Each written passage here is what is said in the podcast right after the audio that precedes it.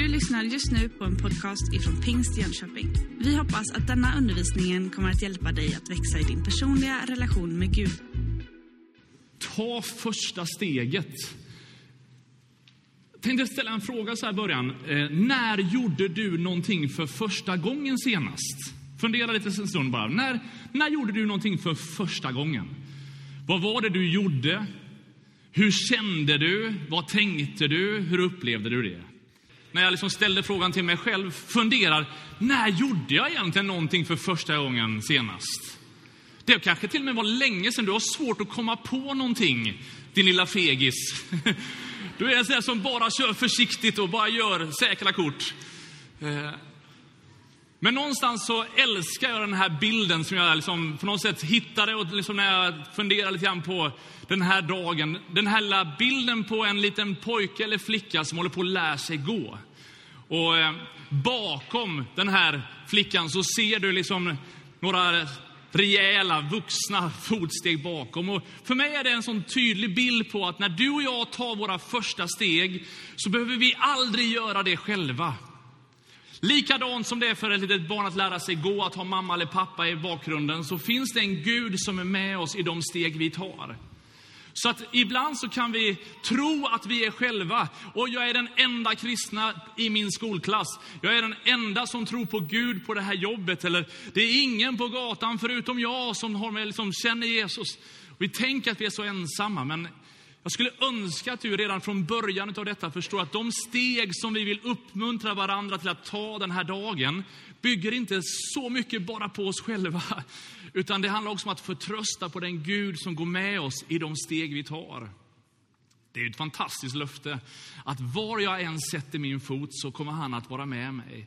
Oavsett hur resultatet blir så kommer han aldrig att svika mig, aldrig lämna mig, aldrig överge mig. Utan han kommer att ta mig med på ett gudomligt äventyr. Och jag skulle önska att du den här söndagen liksom fick en lust över att ta lite nya steg. Att liksom utmana dig själv om att någonstans lära dig mer utav både vem du är, vem andra är, vem Gud är.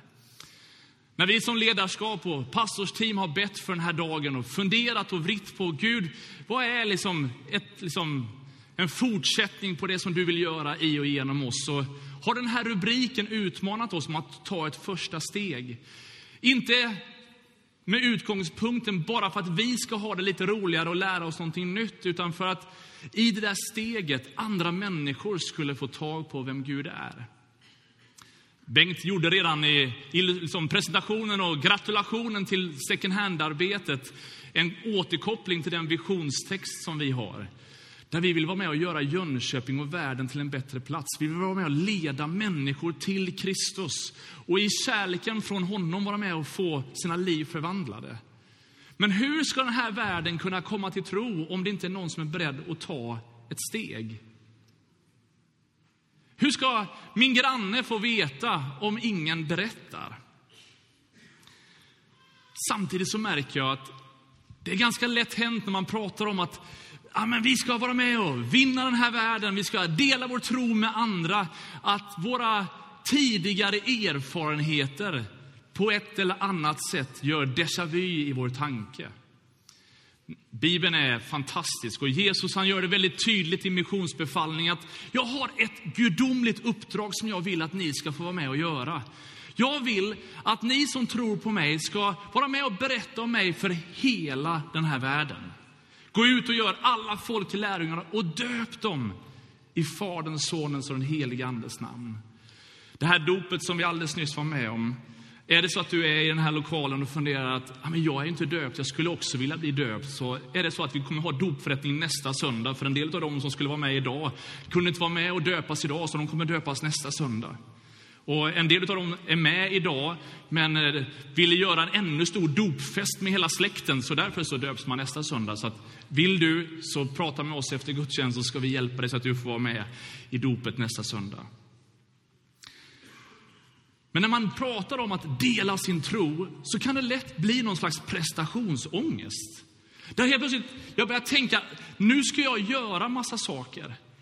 Och Problemet är att det kan ibland bli så mycket någonting som jag pressar mig till att göra, så att jag nästan tänker att det här måste jag göra för att bli en kristen. Nej, det har ingenting med frälsningen att göra. De här nya stegen är en konsekvens av den frälsning som du har fått som en gåva från Gud. Jag märker hemma hos mig att det finns en del saker som jag tycker är fruktansvärt tråkigt. Det är liksom, det är vardagssysslor som jag tycker att ja, men det, det spelar ingen roll. Man brukar ju kalla damm för dammråttor och någonstans så är, väl liksom, är det ju nästan bättre ju större de blir för då kan man på något sätt vädra ut dem lite enklare. Man behöver liksom inte leta upp dem utan de på något sätt, ja, man kan plocka dem med handen, man ser att det är smutsigt. Min fru tänker annorlunda. Så vi städar oftare så du kan vara lugn när du kommer hem till oss. Men det jag märker är att i kärleken till min fru, i kärleken till mina barn, så börjar jag göra saker på ett annorlunda sätt. Och jag skulle önska att när vi pratar om att ta ett nytt steg den här dagen, att du upplever det just på det sättet. Att kärleken till Kristus och kärleken till andra människor, det är det som är drivkraften till att vi börjar göra på ett annat sätt. Det är inte så att vi står med en lista och checkar av, kom igen nu, gör, gör, gör. Utan det är ett enormt spännande erbjudande. Du kan få vara med och betyda någonting för andra. Jag har växt upp i en generation där vi hade en ungdomskör som ofta skulle sjunga på stan. Evangelisationskampanjen bestod av att vara i Brunnsparken eller Bältesmännaparken i Göteborg där jag växte upp. Och så skulle man stå i en stor kör. Vi hade inte övat speciellt mycket, men alla skulle vara med. Och mellan sångerna så pekade bara den som ledde kören att ja, du får säga någonting mellan den sången och den sången. Och så gäller det att vara beredd. Och ibland så stod jag där, jag älskar att sjunga, men på något sätt så kände jag mig inte riktigt bekväm i situationen. Så vi var ett gäng killkompisar som stod med där i kören, för det förväntades alla att göra. Men på något sätt så var det som att man hukade och kände att bara inte mina klasskompisar kommer förbi just nu. Och de där lite halvkonstiga erfarenheterna av att nu gör jag någonting som jag egentligen inte själv skulle vilja göra på det här sättet i vilket fall. Det är inget fel med att sjunga på stan. Det är inte fel att dela sin tro med andra. Det är inte fel att på något sätt vara spontan i ögonblicket. Men någonstans om det blir en prestation och någonting som jag inte själv är bekväm med så är det ju kanske inte det världens bästa uppdrag att jag själv skulle göra. Det kan ju också vara så att du och jag har försökt att ta ett steg. Men så blev det inte riktigt så som vi hade tänkt, utan arbetskamraterna eller där, vännerna som vi hade runt oss vid det tillfället, de reagerade på ett annat sätt än vad vår bön och vår önskan var. Och någonstans så kan våra dåliga erfarenheter göra oss påminda om att ah, jag försökte en gång, men det blev inte som jag hade tänkt. När jag har bett för den här söndagen så har jag landat i ett av de här bibelorden som säger jag glömmer det som ligger bakom mig och jag sträcker mig mot det som ligger framför dig. Och min bön är att du, oberoende av vad du har testat att ta för steg förut, att, att Gud skulle få ge liksom glädjen tillbaka och kraften tillbaka, att, att våga sträcka dig mot det som ligger framför. Att inte bara för att det inte blev riktigt som du tänkte första gången, skulle ju vara ett resultat att få dig att sluta att försöka igen. Visa människor har sagt att ett misslyckande är bara ett misslyckande om du slutar försöka igen.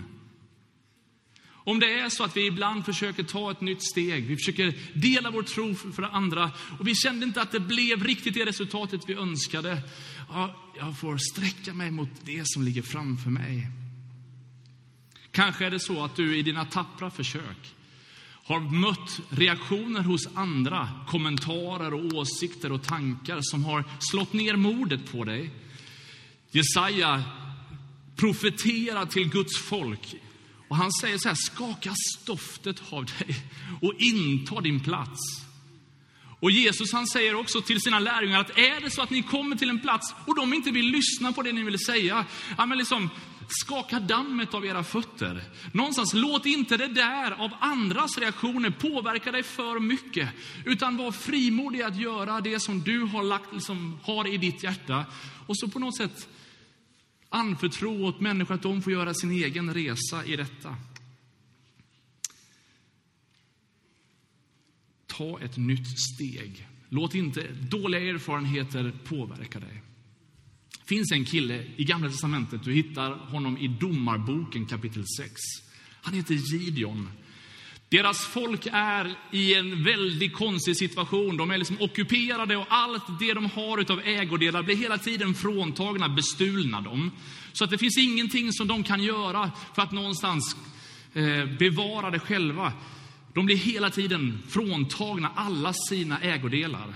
Så därför så gömmer de sig i hålor och när de försöker att på något sätt tröska och fixa med jordbruket så gör de det i hemlighet. För att någonstans inte än en gång bli fråntagna det de har fått. Där en helt sån där vanlig dag där Gideon står och klappar vete, så kommer en ängel till honom och säger Hej, Herren vare med dig, du tappre stridsman. Och Gideon tänker bara så här, äh, nu har du kommit fel. Nu är du liksom på fel plats, du möter fel människa. För det första så är det så att jag är den mest oansenlige bland alla människor. Jag är den sämsta bland de sämsta. Gideon han säger att, jag ska läsa till. Min ett är ju den oansenligaste i Manasse och jag själv den ringaste i min faders hus. Hur skulle jag kunna rädda Israel? Hur skulle jag kunna vara den där som är med och liksom gör skillnad för andra? Jag som inte är någonting överhuvudtaget. Ibland så kan ett dålig självkänsla, dålig självbild vara anledningen till en enorm passivitet, för vi tror för lite om oss själva. Så att någonstans så tänker vi, Gud, du, du har nog stora planer, men inte för en sån som mig. Uppenbarligen så har Gideon en brottningskamp. Om du läser det här kapitlet lite mer närgående så har han en brottningskamp med vem Gud är. För när han liksom, när Ängeln säger att han ska få vara med och rädda Israel och att han är en tapper stridsman och att Gud är med honom, så reagerar han om nu Gud är med mig, hur kan då vi vara ett ockuperat folk, leva i de här hålorna? Det, vi har hört om undren, men vi har aldrig sett dem själva. Det är som om distansen mellan det han har hört andra prata om och det han själv har erfarit gör att han någonstans bara känner, nej men Gud, du har kommit fel. Kanske är det så att du är av evighet, du är för gammal, du börjar bli lite dement i himlen, du har börjat tappa konceptet. Du har kommit fel. Nej. Ängeln fortsätter bara. Jag är med dig. Och jag skulle också önska att i det här nya steget som Gud vill att du ska ta, att du skulle få upptäcka en fördjupad gudsrelation. Att du börjar tro Gud om större ting i ditt liv. Så att när du tar de här stegen i tro på att Gud ska få vara med dig, att du lär dig att känna förtröstan till att han håller sin hand runt dig, är med dig i de där stegen. Och är det så att du finns i det här rummet och bär på en lika dålig självbild som Gideon, så skulle jag önska att även den här dagen fick bli ett sånt där tillfälle där Gud fick göra ett under i din tanke, i ditt inre. Så att du börjar se på dig själv med andra ögon. Gideon säger att av alla stammar i hela vårt land så är våran stam den sämsta. Av alla släkter i våran stora stam så är våran släkt den sämsta. Av alla familjer i vår släkt så är våra familj den sämsta. Och av alla i min familj är jag den absolut sämsta. Den som är mest betydelselös. Snacka om att ha en bild av sig själv som ingenting. Tänk om du kunde förstå att det som ingenting var utvalde Gud. Så att ju mer obetydlig du tycker att du själv är, så kan Gud på något sätt bara återupprätta bilden av dig. Och om du bara håller dig nära honom så kan du få vara med och göra stor skillnad för andra människor. Men om Gud har skapat dig så underbar som han vill att du ska vara, så har du egentligen ingen rättighet att se ner på dig själv, utan låt Gud få återupprätta din tanke. Du tappra stridsman. Vi kan bläddra vidare i Bibelns berättelser och så märker vi att det är så lätt hänt att den där självbilden, om den inte är liksom rätt i min självkänsla, värdet av vem jag är, så kan jag ha dåligt självförtroende utifrån det jag gör. Mina bristande erfarenheter, mina bristande kompetenser. Och har jag inte tillräckligt på mitt CV så kommer jag inte kvala in. Men åh, om du kunde få känna att du den här söndagen bröt liksom jantelagens förbannelse och vågade ta ett steg ta ett kliv närmare andra människor. I Gamla testamentets början, där Israels folk är slavar i Egyptens land, så uppenbarar sig Gud för Mose. Och Mose får ett löfte att han ska vara med och föra folket ut ur Egypten. Mose, han tycker inte riktigt att han har det som krävs.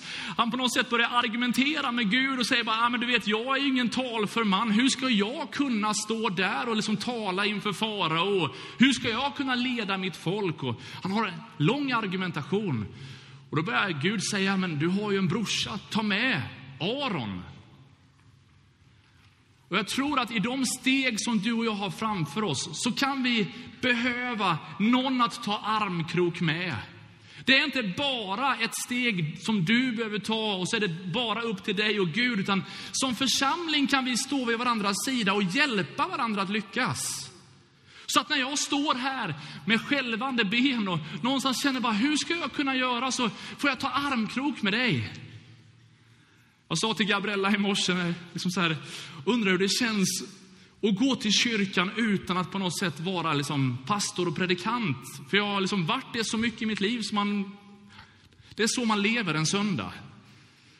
Den här oroliga sömnen mellan lördagen och söndagen när man ska predika.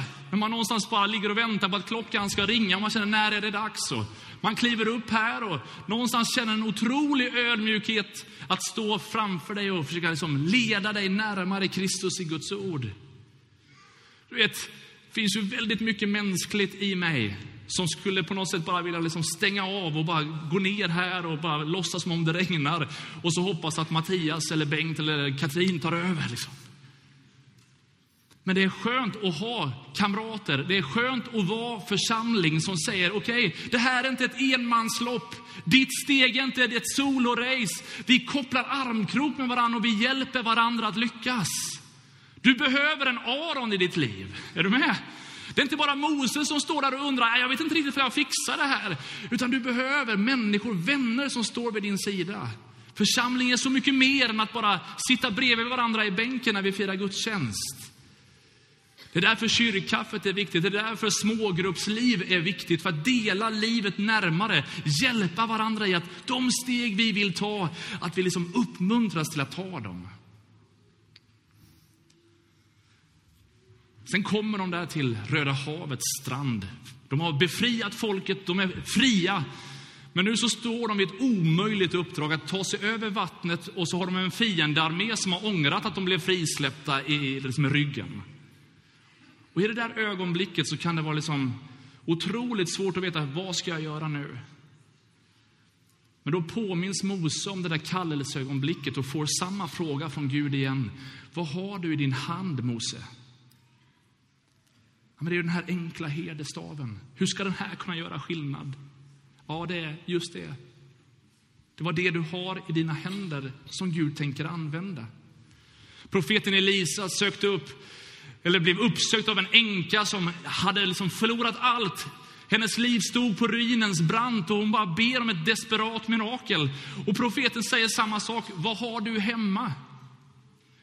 Och genom det hon hade hemma så blir miraklet liksom att både få tag på sin försörjning och kunna leva på det för lång tid framöver. Miraklet är närmare dig än vad du tror. Gud frågar inte efter att du ska ta ett steg som du aldrig skulle klara av. Eller att du skulle ställas i en situation som han inte skulle liksom ha täckning för. När han skapade dig så skapade han dig med de talanger, färdigheter, kunskap. Liksom, han gav dig förutsättningar som är unika. Var trygg i det som du har i din hand. En del av er som sitter här, skulle vi fråga er, kan ni vara med och liksom säga någonting här på plattformen? Så skulle ni bara, äntligen! Nu! Jag har väntat på den här frågan hela livet att få tala här. Äntligen kommer den. En del andra, du skulle få hjärtinfarkt bara av frågan. Och du skulle på något sätt liksom totalvägra, aldrig i ditt liv. Jag skulle bara vilja uppmuntra oss till att inte jämföra oss så mycket med varann i de steg vi tar. Utan någonstans bara se, vad har jag i mina händer? Vad är mina gåvor? Vad är mina talanger? Vad är min längtan? Vad är mina drömmar? Och så an, låta Gud få använda det.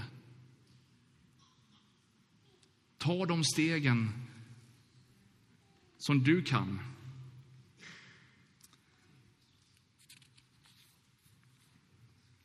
Tyckte det var fantastiskt faktiskt. Ett vittnesbörd för ett par veckor sedan här. Det var ett par som kom fram till mig efter gudstjänsten för ett par veckor sedan. Och så, I mötets avslutning så bara uppmuntrade vi varandra liksom att liksom bara vara kvar i bön. Och I den där atmosfären av bön och tillbedjan så upplever det här paret att de ska be för han som sitter framför dem i bänken. Han som sitter framför dem i kyrkbänken hade liksom inte vänt sig om på hela gudstjänsten, så att liksom, de visste inte riktigt vem det var, men lite försiktigt så lägger de bara sina händer på den här personen framför. Frun står bredvid och, och så både mannen och frun liksom lägger sina händer och så ber de väldigt enkelt, precis i slutet på den här sången. När sången har klingat av, gudstjänsten är slut och vi andra går till kyrkkaffet, så vänder sig den här mannen om. Och så berättar han sin story för det här paret. Och så säger han liksom att han bad en enkel bön där han satt. Utifrån den desperata längtan han hade efter ett Guds vidrörande. Att bara, jag ber att någon skulle komma och lägga sina händer på mig, Gud. Och han säger, det tar inte ens fem sekunder för han känner fysiska händer på sina axlar. Och när de får höra den här berättelsen, för dem var det ju bara liksom sådär, de fick en tanke, en känsla och bara, vi, ja, vi vet inte, men vi tar ett första steg. Och det första steget var skillnaden för hela den mannens liv. Är du med det? det du kan ha så mycket med himlen att göra i de små stegen. Det är så små saker så att du kanske tänker att det är liksom Gud som talar genom dig. Men åh, om du skulle våga Använda det som du har i dina händer. Använda de färdigheter som du har fått, de talanger du har. Om du inte är en människa som tycker om att sjunga och spela så behöver du inte skriva upp att du vill vara med i lovsångsteamen. Men igår så tog Lasse Alvåg, han är en av liksom initiativtagarna till en golftävling i All Star Mission. Sen eh, när han startade tävlingen så vann han den igår också, så grattis Lasse, det är bra som startar, kom, var med när jag vinner. Men vi andra gläds dina liksom, för din skull. Men själva grunden med den där grejen är att en hel del människor som kanske inte i vanliga fall brukar ta liksom ett, ett steg in i gudstjänstgemenskapen, ja, men, genom att använda sitt intresse, sina färdigheter, så samlar man, var det 26 stycken, och så har man en dag tillsammans. Så bygga relationer. Vad har du i dina händer? Du kanske inte spelar golf, men du kanske gör någonting annat. Använd ditt intresse. Våga ta ett steg. När Jonatan i Bibeln, i Gamla Testamentet, hamnar i ett läge han också är i krig, så står det att liksom, folket är liksom slagna. Och det, de håller på att gå under, men han som prins, han är liksom på flanken, skyddad från kriget av sin pappa kungen som inte vill att, riskera att det ska gå dåligt för honom. Så han bara står och ser på när hela armén liksom håller på att gå under. Och då säger Jonathan ett ruskigt bra, bra sak till sin vapendragare. Han säger så här, här kan ju vi inte vara. Jag tycker vi ska hitta på någonting. Kom så går vi över och utmanar fienden. Kanske ska Herren göra något för oss. För ingenting hindrar Herren att ge seger genom få, lika väl som genom många. Jag skulle önska att du den här söndagen, om du inte vet exakt vad du ska göra, om du inte du känner liksom det här är mina gåvor, det här är det steg som jag behöver ta. Att du skulle ha lite Jonatans attityd i ditt liv. Som säger, okej, okay, jag vet inte riktigt, men kanske att det här kan vara någonting. Det är liksom så här, Ibland så kan vi ju som pingstvänner bli så andeledda så att vi på något sätt väntar på att anden ska säga så oerhört mycket innan vi överhuvudtaget gör någonting. Det är lättare att styra en cykel som är i rörelse. Och eh, den här lilla killen som på något sätt har lärt sig att cykla, som har lyfter sina händer, liksom bara känner att jag klarar det. Jag skulle önska att du fick känna den glädjen i ditt liv den här hösten av att jag tar lite nya steg, jag vågar göra några olika saker och allt förmår jag honom som ger mig kraft. Inget hindrar väl Gud att använda liksom en sån som mig och då, jag, jag är med. Jag tror att Gud skulle älska din utmaning av att våga ta ett steg. Är det så att du brottas med din självbild, om du har lite dålig bild av dig själv, så skulle jag önska att vi i den här stunden fick liksom uppleva att, att du fick bli helad i ditt inre. Du har just lyssnat på en podcast ifrån Pingst Jönköping. För att få reda på mer om vilka vi är och vad som händer i vår kyrka så kan du gå in på pingstjonkoping.se eller följa oss på sociala medier via pingstikpg.